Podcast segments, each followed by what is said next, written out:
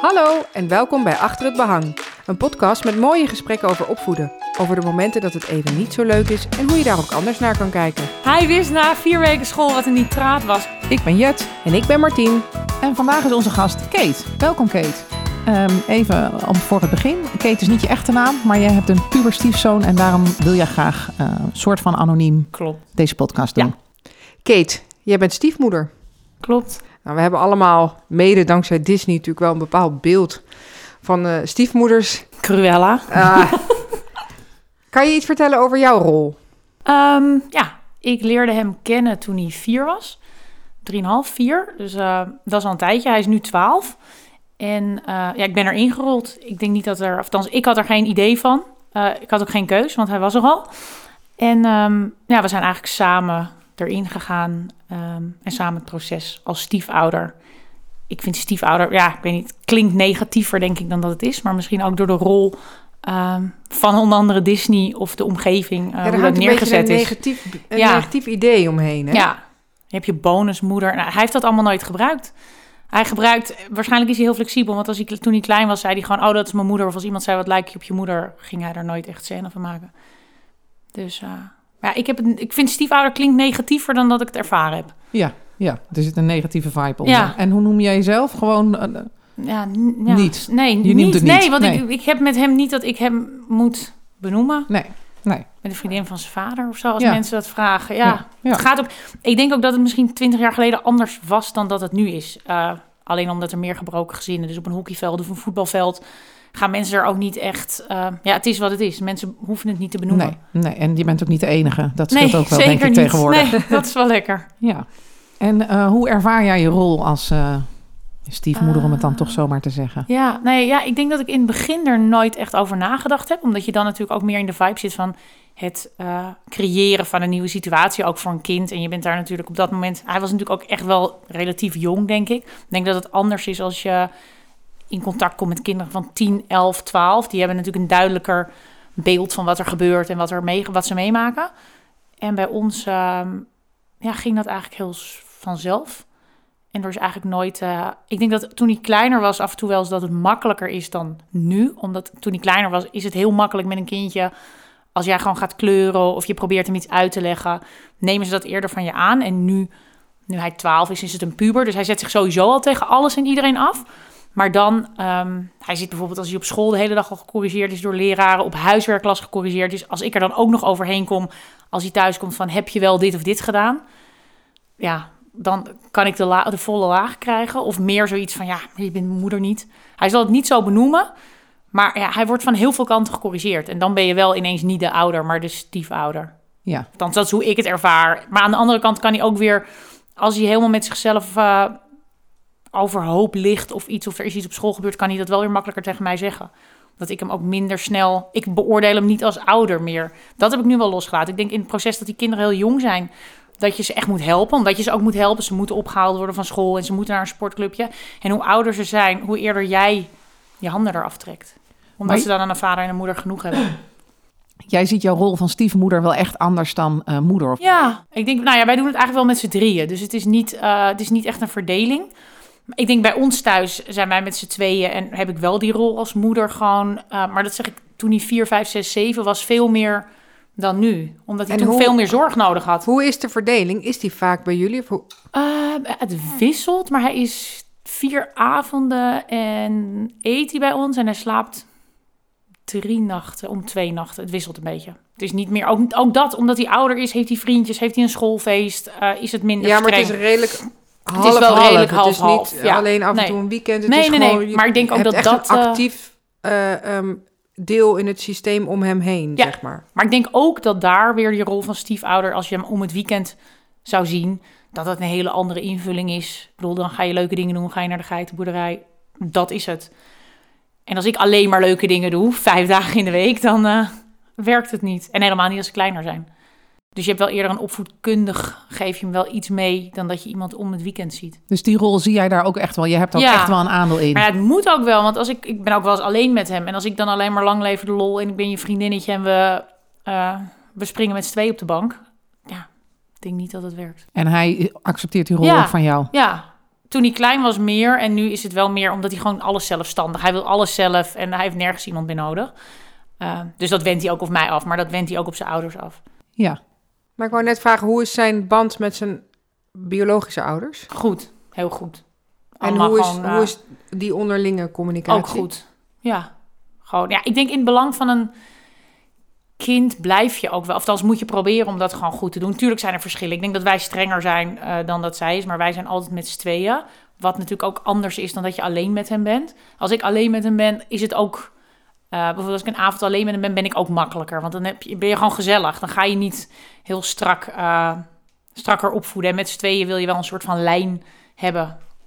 Dus je, je kan het ook van die gezellige avonden hebben nu? Ja, ja, ja. Oh, maar dat is het ook nu wel. Maar het is, en, en ja, ja, ja. En dat was het ook wel. Ik, wat ik zeg gewoon, ik denk sowieso omgekeerd als ik er niet ben en hij is alleen met zijn vader, is zijn vader ook makkelijker. Want dan ben je op elkaar aangewezen. Dan ga je of even eten of je gaat wat doen. Meer met z'n tweeën. En ik denk op het moment dat je met z'n drieën gewoon bent en hij komt uit school, dat je dan een soort van routine hebt van gewoon huiswerk, eten, slapen. En zijn er ook momenten waarop het niet soepel loopt? Eh, ja, als hij moe is. Of als ik Hij moe ben. of jij? Of iedereen moe is. ja, een combinatie. Als iedereen moe is, denk ik wel dat dat echt wel meespeelt. En in het begin, hij ging nu naar de middelbare school. Ik denk de eerste twee maanden, ja, twee maanden, dat was heel pittig. Hij moest helemaal wennen en wij wisten niks. En het is natuurlijk anders dan een basisschool waar alles in een soort gereel gaat. Ehm, iedereen moest wennen. En jij vraagt dingen en hij vindt alles stom wat je vraagt, maar je weet het niet. En alles wordt ineens losgelaten aan hem en je wil je er toch mee bemoeien. En op zo'n moment dat het met hem, dat hij zelf even een beetje zoekende is, heb jij dan een andere rol als zijnde een stiefouder? Nou, dat probeer ik wel, maar dat lukt niet altijd. Omdat ik er toch al met gestrekt been soms te veel in ga. Omdat ik me dan toch hem... eh, ja, je zit erin, je leeft met elkaar. En dan heeft hij niet helemaal zijn ding. En dat is dan ook weer het nadeel voor hem, dat er dan twee mensen op hem afgaan. Maar ja, dat zou ieder ander kind wat in een niet gebroken gezin opvoed, opgevoed wordt ook hebben. Dat er twee mensen hem gaan vertellen, nee, je moet dit niet doen. Of nee, nee, nee. Dat is wel eens lastig. En eigenlijk, ik probeer me dan de laatste tijd wel echt steeds meer eraf te houden. Zo van, laat het maar, hij hoort het al van één iemand. Ja, ik denk wel eens dat hij het af en toe zwaarder bij ons heeft dan bij zijn moeder. En, en wat bedoel je met gestrekt been? Want die was Ja, dan ga ik hem ook nog even uitleggen dat het allemaal niet heel handig is wat hij heeft gedaan. Of dat het op school ehm, niet handig is dat je te laat bent. Of, terwijl als je dat al één keer hoort, is het ook duidelijk. En dan, En, en daarin zie jij wel dat jij eigenlijk als stiefouder dat advies niet moet geven. ja, dat dat vind bij ik zijn wel. ouders Want ligt. ja, dat ligt A bij je ouders en B wordt het al tegen je gezegd. Dus het is normaal heb je als kind denk, of dan zat het ik ook wel, had je het aan je moeder verteld, dacht je, oh, dan komt mijn vader nog. En hij denkt dan ook nog, oh, dan komt mijn stiefmoeder ook nog eroverheen. Hij is toch een beetje zielig. Dus daarin Ja. ben jij wel heel bewust, heb jij een andere rol dan zijn ouders Ja, daarin. probeer dat wel. Maar het lukt niet altijd. Niet altijd. Nee, omdat ik dan ook vind, eh, als er iets is, denk ja, ik probeer ook je huiswerk met je te doen. Ik zit hier ook op zondagochtend. Eh, en als je dan drie keer niet oplet, denk ik ook, ja, dan vind ik ook dat ik er wat van mag zeggen. Maar vervolgens gaat zijn vader dan ook nog eens wat zeggen. Dus die moet dan ook, misschien is het ook allebei gewoon dat iedereen het moet loslaten op het moment eh, dat het is.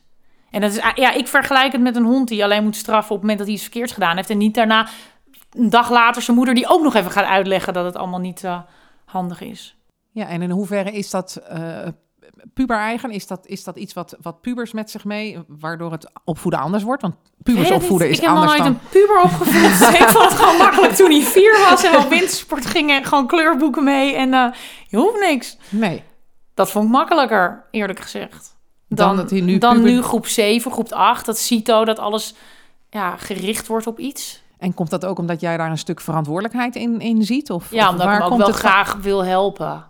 Ik vind dat ook wel een soort van ja, verplichting. Ik kan hem niet helemaal links laten liggen dat ik denk, oh je hebt geen zin, oh dan doen we het niet.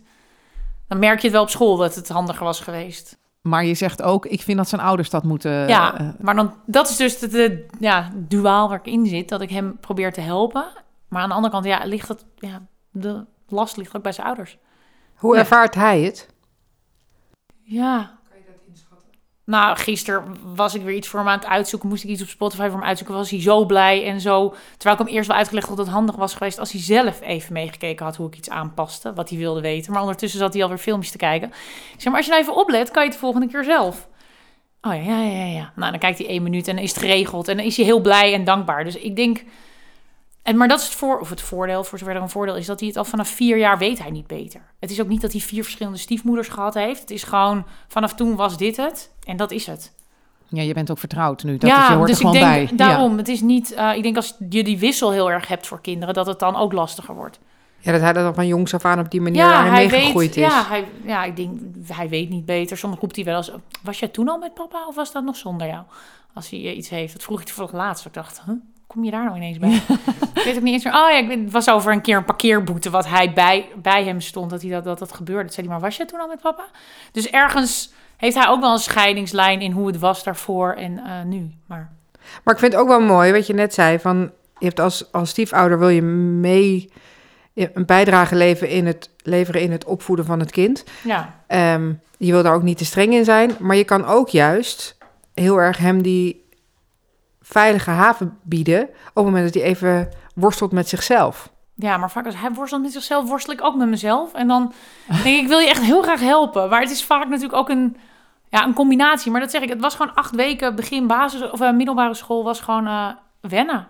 En ik denk op het moment dat het te wennen is, zijn het ineens vier mensen die moeten wennen. En het is niet een gezin. Dus dan is hij op de, bij zijn moeder net gewend en dan bij ons. En dan is het weer anders. En dan Het hele systeem is dan veranderd Ja. en het hele systeem moet een En nieuwe ik geloof ook draai best wel dat het voor een kind onrustig is dat hij dan daar woont en dan daar woont. En helemaal middelbare school met al die boeken. Dat moest allemaal even een ritmetje krijgen. En dat, ja. En dan heb je wel het gevoel dat hij anders op jou reageert dan op zijn eigen ouders. Ja. Dat daar een verschil tussen Ja. zit. Ja, ik denk hij is, ja, daar zit wel een verschil in dan. Maar als hij ergens mee zou zitten, zou die bij jou de veiligheid hebben om dat te kunnen Ja. zeggen? Ja, blijkbaar op de middelbare school zijn mensen helemaal addicted met vuurwerk. Ja, wist ik ook niet. Dus hij Zo leer je wist, vanzelf als je kinderen naar school gaan. hij wist na vier weken school wat een nitraat was, waar ik nog nooit van gehoord had. Nou, dat zijn keiharde eh, soort eh, bommen uit België. En toen kwam het dat je dat dus op het schoolplein kan kopen. Of nou, wat ze ermee doen, ik weet het allemaal niet. En toen dacht ik, ja, maar als je dit echt gaat verbieden. Ik was heel blij dat hij het mij vertelde. Van, nou ja, die had dat. Of er is een jongen, was ook meteen in de derde schoolweek opgepakt. Of wat nou.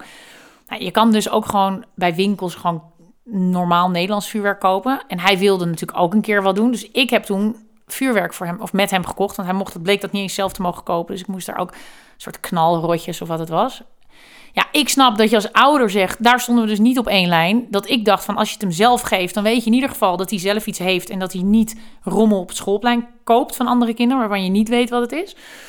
Ja, en terecht vond zijn moeder het echt eh, nou, heel dom om hem vuurwerk te ge- geven. Waardoor ik het. En snap dat ook. eh, maar ik was met hem weg een paar dagen met zijn vader. En ik dacht, ja, ik heb het liever in de hand. Dat althans onze theorie was. Dan heb je het in de hand dat hij dat heeft. Eh, maar we zijn het ook niet altijd eens. En waar eh, stond zijn vader in dit verhaal? Die, Ja, die vond het wel. Ja, die vindt vuurwerk zelf heel leuk. Dus die, dat helpt. die was het liefst naar België gereden. Nee, die ehm, snapte het, maar die stond er eigenlijk in als Zwitserland. Die, Ja. die vond, ja, nee, hij snapte mijn theorie, maar hij snapte ook dat zij dat niet. Maar ja, dat heb je dus soms, dat je wel uit elkaar staat. En er is ook geen middenweg, want het is ofwel of niet. En dan voel jij wel dat jij Ja, achteraf. niet te ouder bent, maar dat, dat jij... Ja, misschien had ik het achteraf beter niet kunnen doen. Er is niks gebeurd en hij was er heel blij mee. Maar ik snapte wel dat het misschien niet heel handig was. Alleen ik sta er wel nog steeds achter. Ja, maar dat geeft wel aan dat jij dan eigenlijk voelt dat je een stapje terug moet doen. Ja, maar het was ook meer... Hij was er daarna twee dagen mee in de tuin bezig... en toen was het hele hoofdstuk vuurwerk klaar. Ik denk, ja, als je het dus faciliteert, daarna is het klaar. En wat voor gevoel geeft jou dat dan? Nou, in het begin heel blij, want hij was zo blij. Dus ik dacht helemaal, oh, wat leuk. Hij vond, ja, ik, ik heb niks met vuurwerk. Maar hij vond het echt fantastisch. En ik denk, als je het gewoon bij een winkel in Nederland kan kopen... zal het allemaal meevallen. Gewoon een grote keten, niet een of ander iets. Toen achteraf dacht ik, ja, ik snap wel als moeder dat je denkt... ja, moet jij dat nou kopen? Ik snapte haar ook. Maar wat ik zeg, ik snap het allebei. Alleen ik denk nog steeds dat hij er... eh, En Blij dat, mee is. en dat wordt verder ook geen ruzie of nee, een ding. niks. Dan is het nee, gewoon, het was gewoon een mededeling. En we hebben hele duidelijke afspraken gemaakt wat hij ermee mocht doen en wat hij er niet mee mag doen. En volgens mij ligt de helft nog in de schuur nu. Het is nu klaar. Toen was de, de hele discussie eraf. voor alles eh, en klaar. Ja, maar daar zie jij wel duidelijk dus een andere rol Ja. als zijn stiefmoeder dan Ja, als zijn want als eh, zijn vader het had, was het gewoon klaar geweest. Had je geen ver- verantwoording nodig gehad. Nee. En ja, ik vond dus wel dat ik het moest gaan verklaren wat ik gedaan had. En zie je ook een andere rol? Nou, heb je zelf geen pubers, Nee. biologisch zeg maar. Maar als het je echt de eigen kind zou zijn, zou je er dan ook anders in staan? Nee, dus dat probeer ik wel. Ik kan natuurlijk alleen maar zeggen hoe ik het zou doen. Maar dat probeer ik wel bij hem. Daarom kocht ik dus ook het vuurwerk. Want ik zou het voor mijn eigen kind ook gedaan hebben. Om je het gevoel te geven van, nou, je hoort erbij. Of, eh, weet je, als jij dat heel leuk vindt. Ik vertrouw, ik vertrouw je ermee. Dat was het meer. Ehm, dus ik denk wel dat ik dat hetzelfde zou doen. En zie je van hem ook dat hij anders reageert op jou? Of dat hij eh, ja, anders reageert op jou dan op zijn eigen zijn biologische ouders? Zijn Nee, daar, eigenlijk niet. Gooit hij je wel eens voor de voorbeeld? voeten, Ja, voeten? nee. Of heb je in, in ruzies dat hij... Nee, eigenlijk niet. Nee, dan gaat hij in ruzies gaat hij meer de, de confrontatie aan met zijn vader. En dan neemt hij mij er wel in mee of jullie. Maar hij zal nooit echt alleen met mij... ehm, ik ga ook niet alleen met hem die ruzie aan. Dus ik zal het tegen hem zeggen als ik het ergens niet mee eens ben. Maar op een of andere manier ontaart dat niet in ruzie. Ja, is hij boos, gaat hij boven zitten. Maar het is niet de o zo bekende term, je bent mijn moeder niet. nee, die, heeft hij eh, nooit gezegd. Misschien wel gedacht. En misschien heb ik het af en toe wel gevoeld dat hij dat dacht. Maar hij heeft dat nooit gezegd. En de ontwikkeling van hem als puber zijnde, puberbrein, wat natuurlijk nogal korte termijn, eh, eh, snelle beloningen. ehm, zie je daar een verandering in? Ten opzichte van eerder of zo, dat hij jonger was. Hoe je Nou, dan... omdat je net zei van ik vond het in, in het begin vond ik het makkelijker, want ik nam een kleurboek mee en dan was hij blij. Ja, vroeger kon je hem... Ja, hij is meer op zichzelf. Een puber is... Althans, voor zover... Hij doet meer dingen. Ik vond het altijd heel leuk om nog dingen met hem te doen. Maar als ik nu voorspel, zullen we een spelletje doen? Kijkt hij me aan van... eh, hoezo, ga je mee naar de Playstation? Ja, Dus- Playstation Ja. samen. nee, dat niet. Ehm, en dingen die hij echt wil zijn kleding en eh, Playstation kaarten. Dus het is niet meer dat je eh, hem met andere dingen heel blij maakt. Dus de beloning daarin niet. Ik kan wel, hij wel vindt hij het nu leuk om een film echt samen te kijken of samen op de bank even te zitten. Als hij dan eh, boven heeft, of boven bij ons dan boven, maar als hij dan op de PlayStation heeft gezeten of zo, dan wil, zeg ik daarna ook wel, maar wil je nog wat? Wil je nog op de PlayStation of wat ga je doen? Nee, nee, ik wil even samen op de bank zitten. Dan zit je wel in een of andere film dat je denkt, nou oké, maar ehm, Dat hoort er ook bij. dat, ja, dat hoort er dan maar bij. In plaats van het spelletje spelen. Ehm, nee, ik denk dat, het, dat hij wel... ehm, of dan zei hij dan, maar misschien is dat puber eigen... dat hij als kind wel meer uitschieters had. Dat je vaker gedoe had. Weet je, je bijvoorbeeld drie keer per dag kon je... maar helemaal als jong zijn, weet je... ik wil dit, nee, gestrekt op de grond gillen. Dat is niet meer zo. Als je nu een discussie hebt, is het echt wel over... eh, iets over school, wat dan ook. En dan sleept het ook langer door dan even vijf minuten discussie. Dus er zijn minder gedoetjes, zeg maar, met het puberbrein. Maar als het is ergens over, of als er iets is, dan gaat het ook wel ergens over. Dan dat is het misschien groter. meer. Dan is het groter. Dan hoe jonger ze waren, hoe kleiner de discussie. Mag Ja. een snoepje? Nee, je mag geen snoepje. Nou, krijzen. Oké, twee minuten later is het goed. Dat, dat is veel vlakker, veel stabieler. En wat doet dat met jou en jouw positie in... Nou, ik vind die zwaardere dingen meer voor de ouders. Dus ik vond ehm, de discussie over een snoepje mag, je- mag je met me aangaan. Maar het gaat nu echt over, bij wijze van spreken, ik wil niet meer naar hockey of ik wil niet meer naar voetbal. Ik denk, ja, nou, daar heb ik totaal geen eh, mening over. Dus dat maakt het eigenlijk voor jou misschien nog wel makkelijker om een stapje terug te doen. Ja, ja, En om het toch anders te zien dan, ja hij dan de staat meer ouders. verder van, me- verder, niet verder bij me vandaan, maar het is losser als het ware dan een kindje wat de hele tijd gecorrigeerd moet worden, omdat hij vijf is en eh, ja, veel meer gestuurd moet worden. Maar jij hebt daar dus echt wel bewust, doe jij daar een stap naar Ja, achter, een stap nu terug wel. van Ja, dit is ja, ja. niet, deze discussies zijn niet voor mij. Die Nee, moet maar ook omdat ik daar niet over... Ik vond het vuurwerkdiscussie, vond ik zeg maar de grens. Ja, Eh, daar heb ik wel van geleerd. Eh, nee, dus daarin vind ik wel dat, eh, dat er echt wel een wezenlijk verschil is tussen jonger en... en, en zijn biologische ouders eh, weten ook, die staan daar ook zo in, die vinden ook dat jij, eh, of die, die ervaren ook die stap van jou terug. Dit is wat zij, Ja, weet ik niet. Ik denk het wel een beetje. die Ik verhouding denk is wel dat je gegroeid. dat... Ja, dat is gewoon gegroeid. Het is niet dat ik echt op een dag wakker werd en zeg... Nou, nu doe ik even helemaal niks meer. Dat is, ook, dat is het ook niet. Maar ik denk wel dat er een soort tussenweg... ja, ook dat je met z'n drieën aan een kind gaat trekken... of een kind gaat corrigeren, denk ik ook niet dat het werkt. En de, als een kind kleiner is, zijn die correcties veel kleiner. Heeft dat helemaal geen verstrekkende gevolgen... of hij wel of geen ijsje mag. Of, dat is gewoon op dat moment. En als je nu iets beslist, heeft het wel grotere gevolgen. Nou, ik vind het ook wel echt heel mooi dat jij dus heel bewust bent wat eh, jouw stiefzoon nodig heeft. En dat hij dus niet drie ouders nodig heeft die aan hem trekken. Maar dat jij dus zelf, wat vast ook heel lastig is om even een stapje terug te doen. Want je zult vast ook een mening over die dingen ja, hebben. tuurlijk. Ja, en dat is dus het Dus- bewustzijn. Dat je dus aan de ene kant, wel- daarom bedoelde ik met gestrekt been, dat je het af en toe heel even vergeet. Of dat je er dan even weer te diep in zit. En dan eh, denk je ineens, ja, maar het, ja, het maakt mij wel uit. Maar ik heb er ook niks over te zeggen. Of je links of rechts. Of... En als jij advies aan, eh, aan andere ouders, dat klinkt zo groot. Maar wat is, denk jij, ja, dat, ik denk, ja. dat wat, want je hoort natuurlijk vaak genoeg dat er wel struggelingen. eh, Ja, ik denk dat het. Zeg maar, en één advies kan ik niet geven, omdat het is sowieso per situatie zo verschillend. Is een kindje alleen of zijn ze met z'n tweeën of met z'n drieën? Eh, de leeftijd is gewoon cruciaal. Als hij nog eh, drie broertjes en zusjes had van 8, 9 en 12, dan ja, word je in een hele andere situatie gezet. Ehm, dus ik denk in ieder geval bij jezelf blijven, sowieso. Want alleen daarmee, als jij gefrustreerd gaat worden, raakt iedereen dat, in welke situatie dan ook. En ja, als ze kleiner zijn, toch zeg maar die hand geven om ze te helpen. Ja, en echt hoe groter ze zijn, uh, maar erop vertrouwen dat die ouders uh, er op dat moment gewoon uh, mee dealen. En wat ik zeg, ik denk dat het echt verschil van kind alleen is, waardoor hij meer op jou aangewezen is, dan dat hij nog een broertje of zusje heeft. Um, want dan zal er sowieso frontvorming tegen jou plaatsvinden, ook als ze ouder zijn.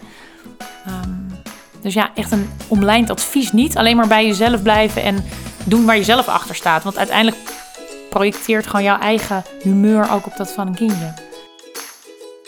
Dit was Achter het Behang, een podcast van Kind en Team. Leuk dat je hebt geluisterd. Dankjewel. En dankjewel ook Segert van der Linden voor de technische productie. We vinden het leuk om met jou in contact te komen. We horen graag wat jouw ervaringen zijn en of je onze podcast leuk vindt. En misschien wil je zelf een keer je ervaring met ons delen. Wil je meer over ons weten? Kijk dan op kindenteam.nl. Luister je naar Achter het Behang via de Apple Podcast? Laat dan even een review achter, zodat andere mensen ons ook kunnen vinden. En abonneren kan natuurlijk ook altijd. Dan ben je meteen op de hoogte als er een nieuwe aflevering online is.